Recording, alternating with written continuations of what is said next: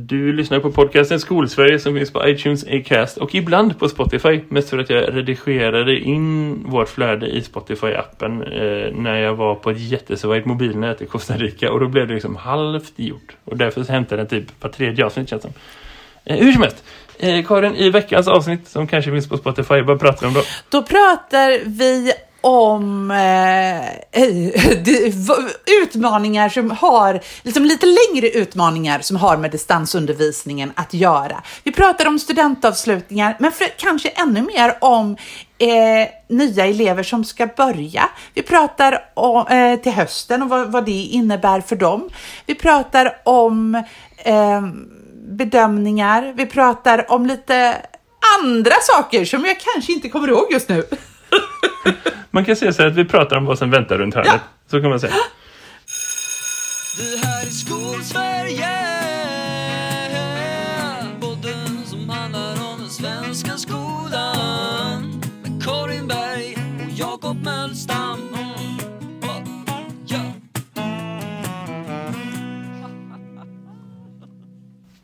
Varsågod. Varsågod, vi är tillbaka. Vi är tillbaka på, eh, fast det är påsklov, fast det är pollen och fast vi fortfarande måste jobba på distans så är vi, den här podden kommer ju bli eh, ett roligt tidsdokument har jag kommit på Jakob, eller hur? Ja, det, det, finns, eh, det här kanske är avsnitt man går tillbaka och lyssnar på lite senare för att få lite perspektiv på vad det är. Ja. Eh, så. Min fråga till dig är, fast att vi har lov, vad har du haft för dig i veckan? Ja, eh, jag, jag har ju försökt faktiskt att eh, sova i kapp. För det, det, det kan jag säga att det har inte blivit så mycket sömn eh, de senaste veckorna. Eh, så jag har liksom gått och lagt mig eh, klockan, du vet, tio kanske? Och, och vaknat åtta. Eh, så att, mm. jag har ändå försökt att liksom sova i kapp. Men sen har jag jobbat lite diskuterat eh, mycket, vi, eller funderar mycket kring det här med hur man får bedömningsunderlag på, på distans. Mm, eh, mm. Det är en, en, fråga som jag eh, funderat också på hur jag ska lägga upp undervisningen efter påsk, för jag förstår ju också att det kommer att krävas betydligt mer av mig efter påsk än vad det gör innan påsk. Eh, jag har också sett Eh, för alla religionslärare och eh, för eh, mig själv Unorthodox, en miniserie på typ HBO eller Netflix eller annan sån sajt eh, som handlar om eh, en kvinna eller flicka i ett ultraortodoxt hem. Eh, som, då, eh, som då gifts bort och hur liksom, hon försöker söka frihet i, i eh, ja, hon föds i, inom chassiderna i, inom judendomen i New York och eh, gifts bort där och hur hon mm. då försöker eh, liksom skapa sig, eh, vill, vill bli fri istället för att vara den här frun. Och de pratar jiddisch hela, eller väldigt mycket. Det tycker jag är spännande, för jiddisch är ju också ett språk som är eh, minoritetsspråk i Sverige. Eh, och en tv-serie helt värd att se, dessutom väldigt välproducerad och snygg. Eh, bra undervisningsmaterial. Eh, det har jag gjort. Vad har du gjort? Eh, vad har jag gjort? Jag har raderat alla appar. Twitter och jobbmail och plattformar och grejer. Uh och tagit en ganska medveten paus. Eh. Mm. I den förvaltning som jag jobbar i så har man lagt in två studiedagar direkt efter lovet. Så det är liksom ja. ett, ett, ett och ett halvt vecka långt lov. Så. Mm. Eh, och det känns ganska begåvat av många olika skäl. Eh, mm. så. Så, så, jag försöker ändå tänka att så här, det här, hela det här lovet ska vara så ledigt som möjligt. Klart jag tänker lite grann på vad jag vill göra efter lovet också. Och jag försöker göra upp en grovplan för min undervisning om vi är på plats och en grovplan för min undervisning om vi inte är det. Eh, försöker liksom så här, pausa lite för att hitta inspiration till de bitarna. Mm. Försöker göra lite andra saker eh, än, som inte blivit gjorda. Liksom så. Jag har äntligen kommit igång med min träning igen. Eh, jag har gått från att vara eh, träna kanske fem gånger i veckan till mm. att träna en, två gånger i veckan. Eh, när det har varit eh, som det har varit de här veckorna innan lovet. Då. Ja. Eh, och då har jag varit liksom ute och springa lite men inte liksom mer än att hålla igång det, det allra mest basala. Eh, så nu under lovet har jag kommit igång med att även börja styrketräna lite hemma och så. Jag skrattade gott åt en kollega som köpte en massa styrketräningsutrustning för några månader sedan. Jag tänkte, fan vilken tönt du är som ska göra ett eget gym hemma. eh, och det, det är ju ingenting jag har för avsikter att göra. Jag får fixa lite vikter och hitta lite bra aktiviteter som man kan göra. Så det, det, är, eh, det har jag kommit igång med. Ja. Eh, så eh, så Mm. jag med flit ganska mycket borta från skolgrejer. Men det är klart det ändå finns med. Det finns med om man funderar på om man liksom kan ju inte inte följa med de nyheterna som händer runt omkring. Nej. Eh, ja, men jag, jag såg det talet som kungen hade. Eh, och Mm. tänkte mest att så här, det är kanske dags att han går i pension. Eh, så. eh, och sen så såg jag drottning Elisabeth som höll ett tal eh, samma dag tror jag det var. Ja, det var det. Eh, för typ en vecka sedan. Mm. Och det var intressant. Hon har ju Mm. pratat typ fem gånger sedan hon blev drottning liksom, i Mm. offentliga tal förutom hennes jultal. Så Eh, så det, det blir ju en ganska stor grej bara i sig. Men i det så gjorde hon en referens till ett eh, radiosänt tal slash intervju hon gjorde när hon var liten. Mm. Eh, 1940 eh, i samband med andra världskriget. Jag Mm. vet inte om man behöver sätta det som markör. Men, men de ändå gör det för att vi tänker att vi tar det från början. Eh, 1940, andra världskriget. Eh, hon var ja, kanske någonstans i mellanstadieålder typ. Gjorde någon intervju med ett BBC-program som heter eh, Children's Hour typ. Mm. Tänk någon sorts så här UR barnradio-projekt typ. Mm. Eh, Där hon liksom talade till barn i Storbritannien. Mm. Och sen eh, var hennes syster med på slutet också. Jätte, jättevärt. Jag tror jag lägger in en Youtube-länk till det i beskrivningen för avsnittet om man vill gå in och kolla på det. Ja. Superintressant grepp. Väldigt fint. Väldigt, det finns ju en, en, någonstans en röd tråd genom tid och rum mellan liksom den tiden, tänker Mm. jag. Och det som pågår nu. Inte för att man kan jämföra liksom, i antal och så. För man kan inte mäta hemskheter på det sättet. Men bara det här med liksom, så här händelser som påverkar hela samhället någonstans. Ja, och det här att är superintressant. Ja, och det här att barnen sitter själva och inte når sina kompisar och att man placeras. Alltså, vi vet ju också att barn, det här är inte en okomplicerad situation för väldigt, väldigt många barn. Och det var det ju inte. Det talet, tänker jag, på 40-talet måste väl ha riktat sig till massa barn som, som eh, också hade liksom eh, placerats i, i komplicerade situationer. Jag pratade med om att man liksom evakuerade barnen på landsbygden från Ja. storstäderna och så. Så det var liksom, så här, nu bor du i den här familjen, vilket är kanske är mer uppslitande. Men om man nu Ja. tänker sig gymnasieungdomar som inte går i skolan och liksom man saknar det sociala sammanhanget och eh, allt vad det är. Mm, det är klart att det ändå finns kompromisser med hur man vill att det ska vara eh, i samhället så. Att vara ung. Och det där är på ett sätt är det extra beklämmande på ett sätt är det så här, man måste också hjälpa till att navigera i det. Och det var väldigt intressant.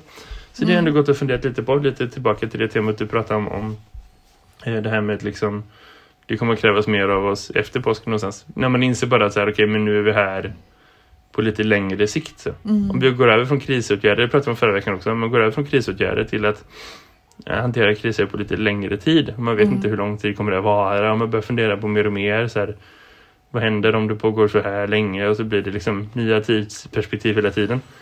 Så börjar man mentalt någonstans förbereda sig för det. Och det är en process som är överallt. En sista grej som jag vill säga bara eh, kopplat till det du sa förut om HBO och Netflix och så. Det finns egentligen två saker. För det första, Netflix har en avdelning med dokumentärer. Som, och då har de en, sektion sen dokumentärer som är liksom, eh, jag vet inte vad den formella termen är, men det är, så här, det är grejer som är okej att visa. För det är inte liksom eh, några licenser och så. Eh, och det är inte många, det är ungefär som öppet arkiv typ på SVT. Fast om du tänker att de har liksom det, en internationell samling av så. Eh, inte så himla väl utforskad, men absolut väl värd att hitta. Om man ändå vill hålla sig på lagens sida. Det är det ena. Och det andra om HBO. Ja, jag har ändå ett medlemskap på HBO, men jag funderade i veckan på att säga upp det faktiskt. Eh, Men så gjorde jag inte det, för jag insåg att så här, blir det karantän så behöver jag ha allt jag kan komma åt. men, men jag funderade ändå på det, för de gjorde en, en, två ganska spännande grejer samtidigt. De, gjorde, de släppte liksom en gratisversion av sitt paket eh, i USA där de var såhär, kolla här har vi en massa saker, man kan få komma in, man kan få eh, kolla på de här, de här, de här serierna gratis så länge det pågår corona. Bara, kolla på, vi bjuder på det. Eh, det gjorde de i USA. Okej. I Sverige fick alla kunder samtidigt ett mail där det stod så här, eh, HBO och Corona. Då tänkte jag, jaha nu släpper de samma sak här, det var ju fint. Nej, det gör de inte alls. Då skulle, I det mailet stod det bara så här, på grund av Corona så kan vi just nu inte spela in eh, alla våra serier som vanligt, så därför kan en del av dina favoritserier bli försenade. Ha det gött, hej. som att det bara händer i USA. Men så här, Vad är det för jävla skitföretag som är så här, liksom... Nej, det, det, vet, allt det man läser om så här, piratmetoder och amerikanska och hit och dit som bara snor så här, skyddsutrustning. Det här är liksom exakt i samma fåra fast inte på liv och död. Men det är fortfarande, jag hade så önskat att de blev av med alla sina europeiska kunder. Bara bam, sådär. men, är det inte HBO Nordic du har då? Eller något sånt där? Jo, men det är ju samma företag. Ja, ja. Ja, ett sidospår. Mm. Eh, men absolut, jag, jag, har, jag har alla som man kan tänkas ha. Ehm, eh, alla appar som man, man kan behöva ha. Eh, jag har också eh, funderat på en sån här sak, eh, om vi går liksom från den ena till den andra, men till att producera film. Mm. Nu förstår mm. du, det här, den här mm. övergången. Ja. Jag ska nämligen bli HBOs nya producent. Nej, jag skojar. Okay. Ja. Nej, men vi, vi har ju ändå en stundande student. Och det är ju någonting som vi ja, behöver. Eh, alltså vi behöver väl skapa någon hashtag, så här gör vi, så att vi hittar en lösning till. Eh, igår så, så lyckades jag se plöja alla avsnitt av eh, Clara Henrys nya serie som heter Sjukt oklar säsong 2. Det är så 15 mm. minuters eh, avsnitt på SVT Play. Eh, såg mm. vi eh, hemma här med, för att det tycker även de unga i den här familjen är rätt kul. Eh, mm. Och där tar nolletterna studenten i den serien. Det kommer ju mm. nolletterna göra nu i år också, men frågan är ju bara hur. Mm. Eh, och då jag har ju... som att det finns Facebookgrupper med så här uppror eh, mot corona, antar jag. Vi vill också ta studenten. Jag har också sett så här, debattartiklar med så här, elevkårs eh, människor som, som tycker det är tråkigt att inte få ta studenten. Typ.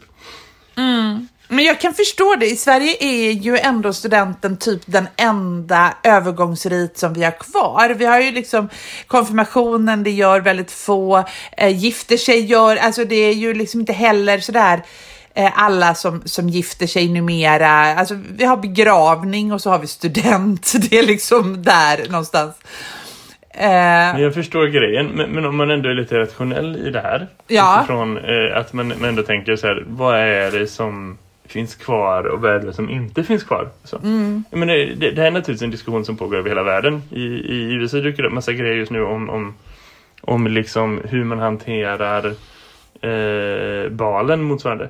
Mm. För det är en stor grej. Mm. Man får inte jo. gå på The Prom. Det är en mycket större grej än själva liksom avslutningsceremonin. Det är också en stor grej. Men det är framförallt så här folk som fixar egna sådana hemma eller folk som fixar egna alternativ för det eller folk som bara typ sitter hemma och käkar en mikrad eh, färdigrätt och bara haha tråkigt och gör det som en humorgrej och så. Är det alltså liksom, mm, mm. Där, där ligger fokus på det. I Sverige så känns det som att det är själva där liksom skolavslutningsdagsgrejen om man pratar som är liksom det som man fokuserar på. Men vad är det som finns kvar och vad är det som inte finns kvar? Om man listar så här, vad är en typisk studentexamen? Det är eh, massa fester med kompisar innan. Det är eh, själva hattgrejen. Det är hela den dagen. Det är själva utspringet. Det är någon mottagning med släkt och vänner. Det är någon fest på kvällen, eller hur? Ja, det är någon bal innan också, vet du. Ja, det är en men, bal. Men, ja, men, ja, precis. Så det är ändå sju, åtta delar av det. Vad är det i det som går att genomföra? Vad är det som inte går att genomföra?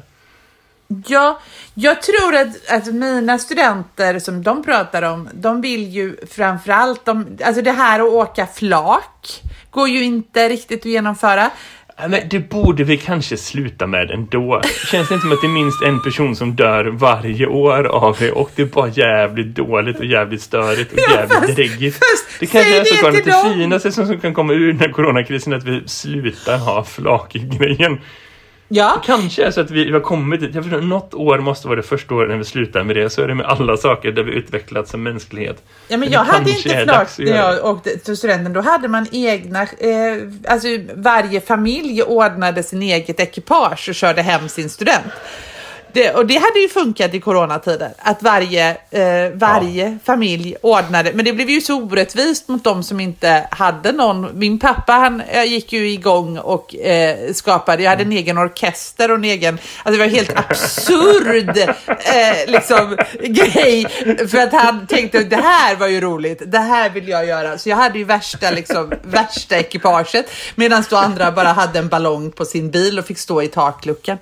Ah, eh, jag vet inte om jag hade roligare ska jag ju eh, tillägga, men det var ju innan också. Andra man... hade roligare på din bekostnad.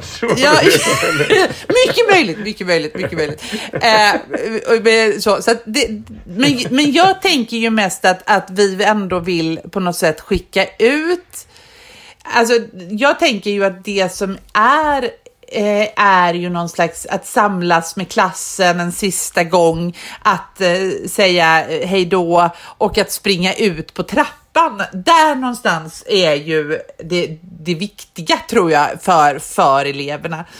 I Sverige är det inte balen som är det viktigaste, det är inte studentfesten, det är, utan det är just själva utsläppet och liksom själva avslutningsdagen, aktiviteten typ.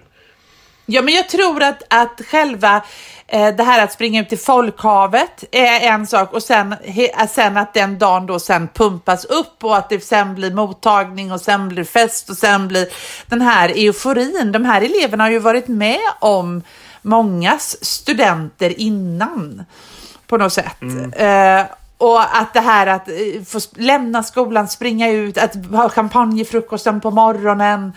Eh, så. Jag tror liksom att, att man har sett fram emot den så länge.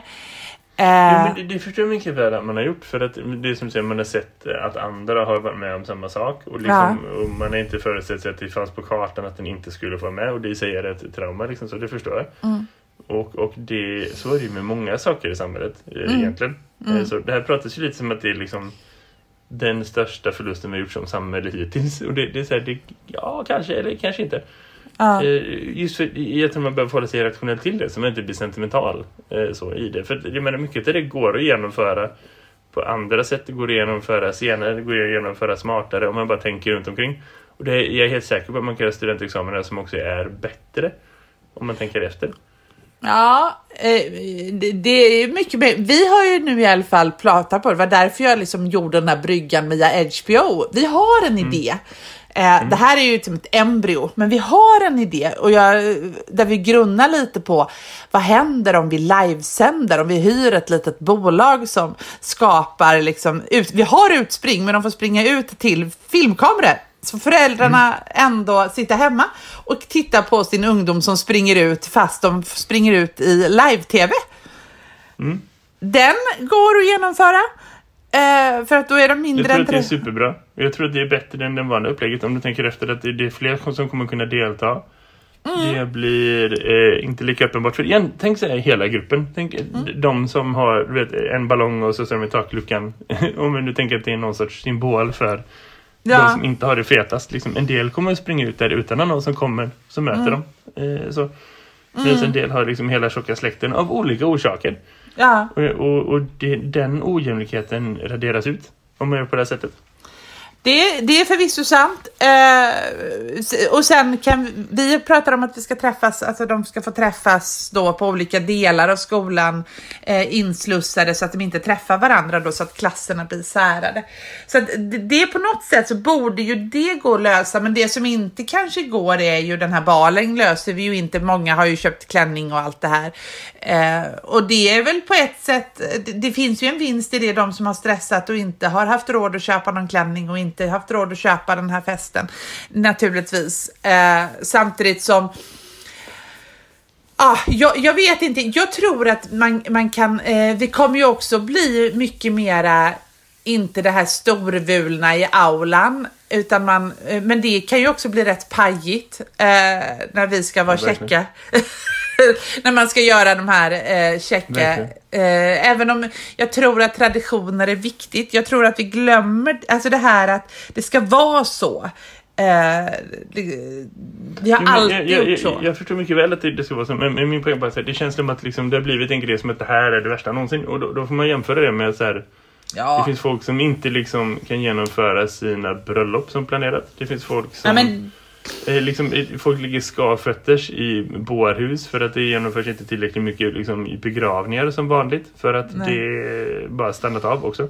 Fast mm. att folk dör ännu mer än vanligt. Liksom. Mm. Det är så här, ja, jag förstår att det är en uppoffring. Och, och det är mm. tråkigt, men alla kommer behöva göra uppoffringar. Och det är vad det är någonstans. Alltså ja. en del av det. Men studentbalen, jag känner noll sympati för att den inte blev av, tyvärr.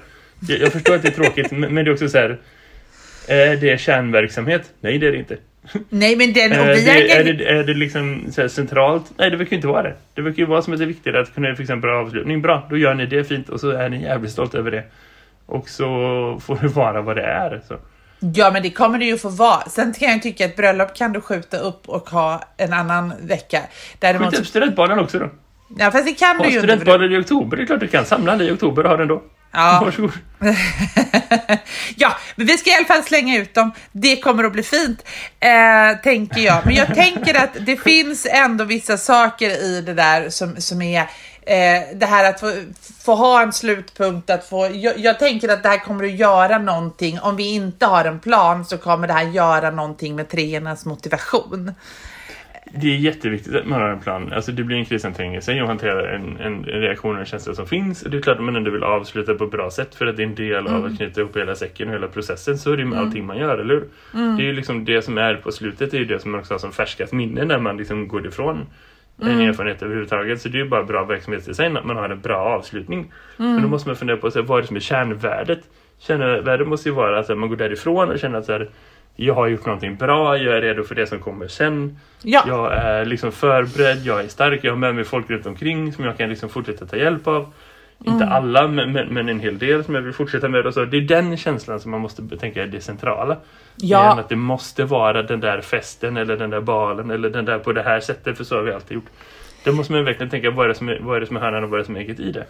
Eh, Och, och jag tror att det där är, det är superbra att, att liksom att vi ser 360 grader allting som händer. Men Mm. vi måste också inte fastna vid en grej utan tänka att vi behöver se hela systemet som finns.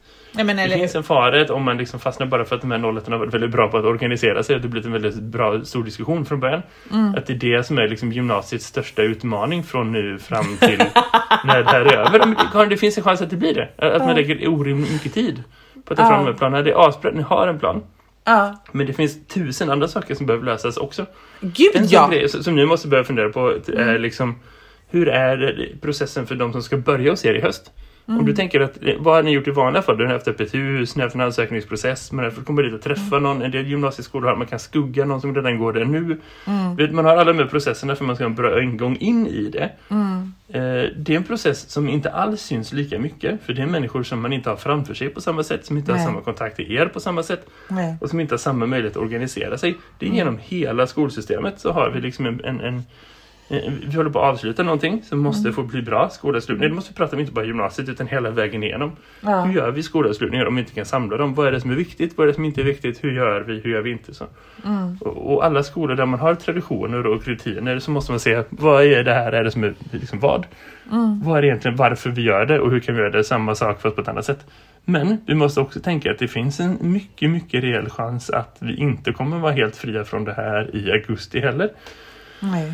Och processerna att börja till att börja liksom gå över till nästa skolform eller nästa årskurs eller börja skolan överhuvudtaget eller vad det är. Det har redan börjat för länge sedan. Vi skulle haft öppet hus veckan innan påsklovet som vi fick ställa in. Det är liksom avgörande för att vi ska få in nya elever för att vår, vår skola ska växa så som den ska i vår, det maktsystem som finns. Men det är också avgörande för de eleverna som ska börja hos oss att få komma dit och möta och se, jaha är det så här? Det dämpar en hel del liksom oro och funderingar som man ändå går och har någonstans i bakhuvudet i vanliga fall. Och som, som, som mycket väl finns där, även om det finns mycket mer alltså, akuta saker framför sig just nu. Det är Ja. en process som vi inte pratat om ens en tiondel så mycket som vi har pratat om de här förbannade studentexamina. Och jag säger inte att liksom det, man bara kan prata om en sak, men vi måste liksom se hela det fältet. Och det är det som gör att jag ibland ändå går och stör mig lite grann på att liksom det, det, är, det är lite för många debattartiklar om att det är så synd om, om de som inte får ta studenten. För det är så här, vi kan lösa det. Och vi får lösa allt annat också. Ja, nej, men jag, håller, jag håller med dig och när du säger så så blir jag lite, lite, ehm, lite rädd av att eh, tänk om jag ska starta mina nya ettor på distans. Så långt har jag inte tänkt faktiskt. Jag ska ha många ettor till hösten. Tänk om jag måste börja. Och även om du inte liksom har samma distanssystem som det är nu. Nu ser vi ändå fler och fler skolor som öppnar upp lite grann. Ja. Eh, både i Sverige men även liksom skolsystem runt omkring. Ja, I Danmark och Norge de insett att det kanske inte var det smartaste att stänga ner 100% alltihopa överallt. Så. nej. Eh, och i alla fall inte, inte det behövs just där och då. Det kanske inte ens vi behöver den insatsen. Men liksom Där jag jobbar så har vi ändå haft öppet men ändå säg en vanlig dag så är mellan 30 och 50 procent av eleverna inte varit på plats. Mm. Jag har inte haft alla mina elever på plats och det har man inte så himla många gånger per år egentligen. Nej. Alltså så heller för det är alltid någon borta av 30, du vet, så är det. Mm. Men, men, men just nu är det liksom, jag har inte haft om jag har haft minst en tredjedel borta varje dag sedan det här började liksom. Mm. Och det är okej när man har en fungerande rutin och, och, man vet att när de hittar in här, de, de har koll på det här, de kan logga in, de kan ha sina system, de har sina konton. De vet vad jag förväntar mig av dem, jag vet vem jag behöver ha lite koll på extra och så. Mm. Men det är superkomplicerat när, när det kommer till nya kontakter. Eller hur? Ja, ja, ja. Och det är en jättestor fråga för det är så här, hur organiserar man det? Vi kan ju inte liksom låta bli att ha planerade skolövergångar. Nej. Man kan ju inte säga till folk så här, men du får börja på gymnasiet men du får gå kvar på den gamla skolan med din gamla lärare och den gamla rutiner i en halv timme och så tar vi det efter höstlovet. Eller hur? Så kan man inte säga liksom, genom hela grundskolan för nu ska jag också komma in längst ner. Mm. Så det finns inte plats liksom, utan vi måste genomföra det. Mm. Men vi måste göra det, alltså det är alltid några som, som faller undan vid planerade skolövergångar. Jag minns en, en konferens jag var på i, i England för några år sedan när det var en person som var någon sorts typ eh, Alltså det är svårt att jämföra med skolsystem men tänk typ så här förvaltningschef fast lite lägre typ. Mm. Mm. Som, som var någon sorts eh, rektorschef kanske man kan säga. Mm. Som, som hade liksom, i för England så har man så mycket mätdata så det inte finns. Mm. Så som kunde konstatera att liksom, i hans område så förlorade elever ungefär ett år i läskunnighet när de bytte skola liksom. Mm. Eh, I liksom, utvecklingstakt. Mm. Eh, så. Så mycket som man lär sig på ett år förlorar man på att byta skola. Det är normalläget. Tänk hur mycket man förlorar kunskapsmässigt och liksom socialt av att liksom inte bara vet så här, nu går jag från den här byggnaden till den där byggnaden med samma klass och samma personer men när man verkligen byter skola. Mm. När du går från en låg och mellanstadieskola till en högstadieskola eller från en lågstadieskola till en mellanhög till, från grundskolan till gymnasiet. De här planerade stora övergångarna. Ja, och när du går Det från kommer bli en jättestor utmaning att göra det på ett bra kvalitetssäkrat sätt. Ja. Och det måste vi prata också om. Ja, och framförallt det det. här när vi kommer, när vi ska göra det och från grundskolan när man då ska få sina slutbetyg i årskurs 9 till att gå till, eh, och, och, och med all den osäkerheten när det är så många borta i grundskolan och samtidigt så ska de in i ett system som fortfarande inte är byggt för att vara en gymnasieskola. Alltså, alltså jag, ja, det här har vi ju absolut inte pratat om eh, som, som vi borde göra. Det, det är en, ja. Mm. Nej, nej. För, men om du bara tänker då som undervisar i årskurs 9 nu. Det, det är absolut sannolikt att det är så att liksom, enskilda lärares läsårsplaneringar blir grusade Ja. av att eh, man bör göra omställningar som man inte var förberedd på. Vilket gör att i slutändan kommer man ha elever som inte har fått möta hela det centrala innehållet som de skulle ha mött i alla fall. Nej. Och framförallt inte Eh, är så, och vi har nationella prov som har blivit inställda där man inte vet eh, så mycket som nationella proven då hjälper. Nej. Exakt hur det egentligen ligger till. Så det, alltså det blir ju en annan underlag, det blir ju en annan kvalitet, det blir ju en annan eh, process över och det där är superkomplicerat. För ett sätt att möta det som lärare kan ju vara att liksom om du sätter F på alla som jag inte är säker på. Men då kommer jag ha liksom slutbetyg från grundskolan som är bottenlåga. Mm. Jämfört med liksom eh, vad man är van vid. Mm. Och det kommer inte funka. Nej. För att det är ju så att vi fortfarande har kvar det systemet att man måste ha godkända betyg för att få komma in på gymnasiet. Eller så samma rutin som vanligt. Och då har vi antingen elever som hamnar utanför eller så hamnar man med ännu fler elever som får godkänt fast att de egentligen inte har hela området in, liksom, täckt egentligen. Nej. Det är superkomplicerat. Ja, och det- Vad är egentligen bra och dåligt i det? Och hur vet man vad, att man gör rätt? Liksom? Nej men precis, och jag, jag, jag brottades ju, är det någonting jag har pratat om här i påsk så är det just för jag, jag är väldigt, jag är liksom lite besviken över att, det, för det kom ju nu innan påsk att nu kan du ta in lite elever för att göra lite prov och nu kan vi lätta på de här reglerna och sådär. Och det, det håller jag med om att det, det är en bra grej att det har kommit eh, då för, för oss då, nu pratar jag om våra elever, men samtidigt så, så är det också superkomplext för att om du tar in elever för att göra lite prov på måndagen, då måste ju de Eh, om de ska gå hela sin skoldag så blir det ju liksom, det är en organisatoriskt monster hur du ska få ihop det. Det är inte bara att ta in en klass och skriva prov, utan var ska de vara med sin distansundervisning? De ska ju inte ha en vanlig skoldag. Eh, hur ska det gå till? Och så vidare och så vidare och så vidare. Det är ju inte, det är ju inte bara eh, att ta in och skriva ett prov, utan de har ju en Alltså de har ju ett vanligt schema att följa och hur, hur löser man det på ett vettigt sätt? Eh, sådär. Och går det, och vad, vad, kan, vad måste jag ha betyg, bedömningsmaterial på och vad måste jag inte? Alltså tyska steg ett gissar jag är ett väldigt behov av att faktiskt eleverna kommer för att vad kan de göra på distans eh, som, som... Men det där är ett ännu större problem. För om du tänker så här, om, om, om vi tar de eleverna som ska ta studenten och se om vi fortsätter prata om dem en Ja. Hur många prov har de haft från nu fram till studenten om de hade varit i skolan och allt hade varit som vanligt? Men en tumme och pekfingret, hur många prov i alla ämnen sammanlagt? Nej men de har ju, nej men så här, de har haft sex prov totalt. Eh, för vi har varit borta sex, eh, tre veckor. De har två prov i veckan. De har två prov i veckan hela tiden. Så från nu och fram till stod åtta veckor då är det typ 16 prov. Ja. Om man tänker. Ja. Eh, så. Ja. Det är inte som att de kommer kunna komma in 16 Nej. gånger under den här perioden. Nej. Alltså så, det funkar, det funkar inte. Om, om man ska liksom hålla en distansering. Så det, det här är också en, en fråga om prioriteringar. Där man måste tänka att man måste kunna hämta in bedömningsunderlag på andra sätt. Eller hur? Och det tror jag verkligen är den stora, stora utmaningen. Mm. Alltså så här, hur gör man som lärare för att veta vad eleverna kan i en tid när vi undervisar på helt andra sätt när vi inte kan bedöma på samma sätt? Nej det kräver en eh, mer utvecklad designkunskap och eh, förmåga mm.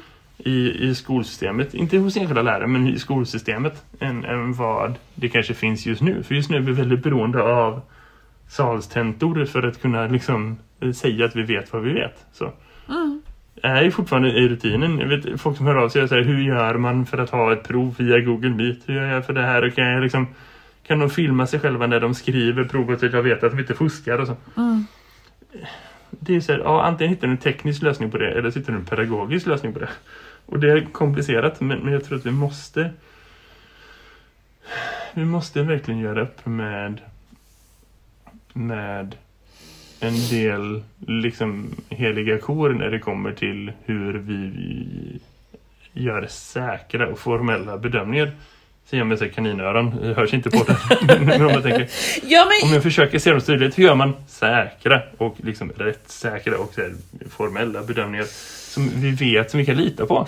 Eh, så hur gör vi det på ett bra sätt? Ja, men jag, jag, men jag vet, jag, men jag, jag kan tycka att det finns vissa saker i det som, som, som jag, jag, jag, jag har inget behov till exempel, om eleverna ska, ska skriva till exempel ett PM så kan de skriva det hemma. Det, eh, om de får en tid på sig och eh, liksom de, det, det, det som är liksom examinationen för årskurs tre, det kan de skriva på de tre timmarna hemma för det är ingen som kan hjälpa dem med det ändå. Eh, för att, alltså om de skriver i, i mm. Chromex, alltså det blir för komplext för att det ska liksom gå och liksom, du får fan med att tänka. Har de lyckats tänka ut hur de ska göra för att fuska? De får ju liksom ämnet samtidigt som provet, de får texterna lite tidigare och så vidare. Så det, det är ganska svårt att hitta en, en, en liksom, mm. eh, till exempel då, eh, att hitta en form av. Eh, men samtidigt så skulle jag vilja att det, alltså Skolverket hjälpte till där eller någon hjälpte till där och säga, jag menar i svenskan, mm. vi behöver heller inte hetsa upp oss över argumentation. För det kommer tillbaka, om de går i ettan så, så kommer det tillbaka och bedöms både i tvåan och trean. Eh, om det är nu så att treorna inte har hunnit skriva någon argumenterande text, men för helvete titta på vad de gjorde innan då, så kan vi ju liksom på något sätt eh, jämka med det, eh, om vi nu ska eh, mm. vara sådana. För det är liksom kunskapskrav som kommer igen och igen och det skulle ju också lämna utrymme för eh, så, eh, kunskapskrav som är helt nya i årskurs 3 till exempel. Eh, och också mm. lämna utrymme för att de inte, de här eleverna som faktiskt kämpar svinhårt, det finns en risk om vi inte gör upp med det här, att eh, eleverna behöver sätta sig och eh, gå om delar av kursen till hösten samtidigt som de läser nya kurser eftersom vi har ett kurssystem. Och här behöver myndigheter... Ja, men det är så. Och, och... Men det är så dumt så det inte Ja, och, och, och där, därför så känner man ju att om inte Skolverket, och vad det jag var besviken över när, när man skickar ut och säger att nu kan vissa elever komma hit och göra lite prov och vi ska underlätta. Och jag förstår att det har med yrkesgymnasiet att göra egentligen. Alltså du kan inte det är svårt att träna, mm. eh, liksom, ja, det är svårt att göra vissa moment, eh, svetsa till exempel, om du inte får svetsa på plats. Det kan du inte göra hemma och så vidare. Jag förstår det, men samtidigt så känner jag att här behöver man steppa upp från myndighetshåll eh, för att hjälpa till. Sen behöver huvudmännen ta ett ansvar här som är enormt. Eh, men det kommer att landa på att jag sitter själv med mina kollegor och kliar mig i huvudet. Och så kommer det förmodligen att se ut även i grundskolan när det kommer till de här nya eleverna som ska komma till hösten. Och det kan egentligen inte vara så. Det är ju inte okej. Okay. Nej, det blir väldigt problematiskt. Eh, så. Mm. Och det, det, det, är viktigt att vi börjar ha en diskussion om det. Och, och, det finns mycket saker där som vi lär oss under tiden. Mm. Eh, som vi gör. Mm. Eh, där vi hittar saker som egentligen är större fel än bara det som pågår just nu. Mm. Brister i styrning, brister i vad vi fokuserar på, brister i framförhållning, brister i ansvarstagande. För nu bestämmer vi så här och så gör alla det här. Mm. På vissa håll, det är nog inte så överallt, men på vissa håll. Eh, det där är verkligen saker som vi börjar ta tag i. Men det blir liksom aktuellt att vi gör det nu. Är det någonting som man kan fundera på så är det så här, det här diskussioner som jag förut med ämnesbetyg och terminsbetyg. Eller så här, mm. kursbetyg och mm. Eh, ämnesbetyg. Så. Att det är liksom... Det blir superrelevant här. Att det, det kommer inte funka. Ja men precis. Eh, och då får man väl liksom göra det bästa i situationen. Och då löser vi det så här nu. Och sen så om det funkar bra så gör vi en permanent lösning sen. Och så har vi lärt oss någonting av det. Och så går vi vidare. Ja men på riktigt ja. så man måste få sig till allt det. Jag är så trött på att vi bara vet vi får vänta och se mentaliteten. Ja. Nej. Vi måste också börja skapa lite planer och lite rutiner som verkligen funkar och som är det som de behöver vara. Så. Ja, jag tänker att vi kan avrunda den här jävla diskussionen med det Anders Tegnell sa igår. Det kanske aldrig blir som vanligt igen. Nej, då kanske vi behöver göra någonting annat. Där klipper vi. Ja. Det är perfekt. Eller hur? Ha det bra. nej, vi, vi hörs en annan gång. Ja, ha det gött. Hej då!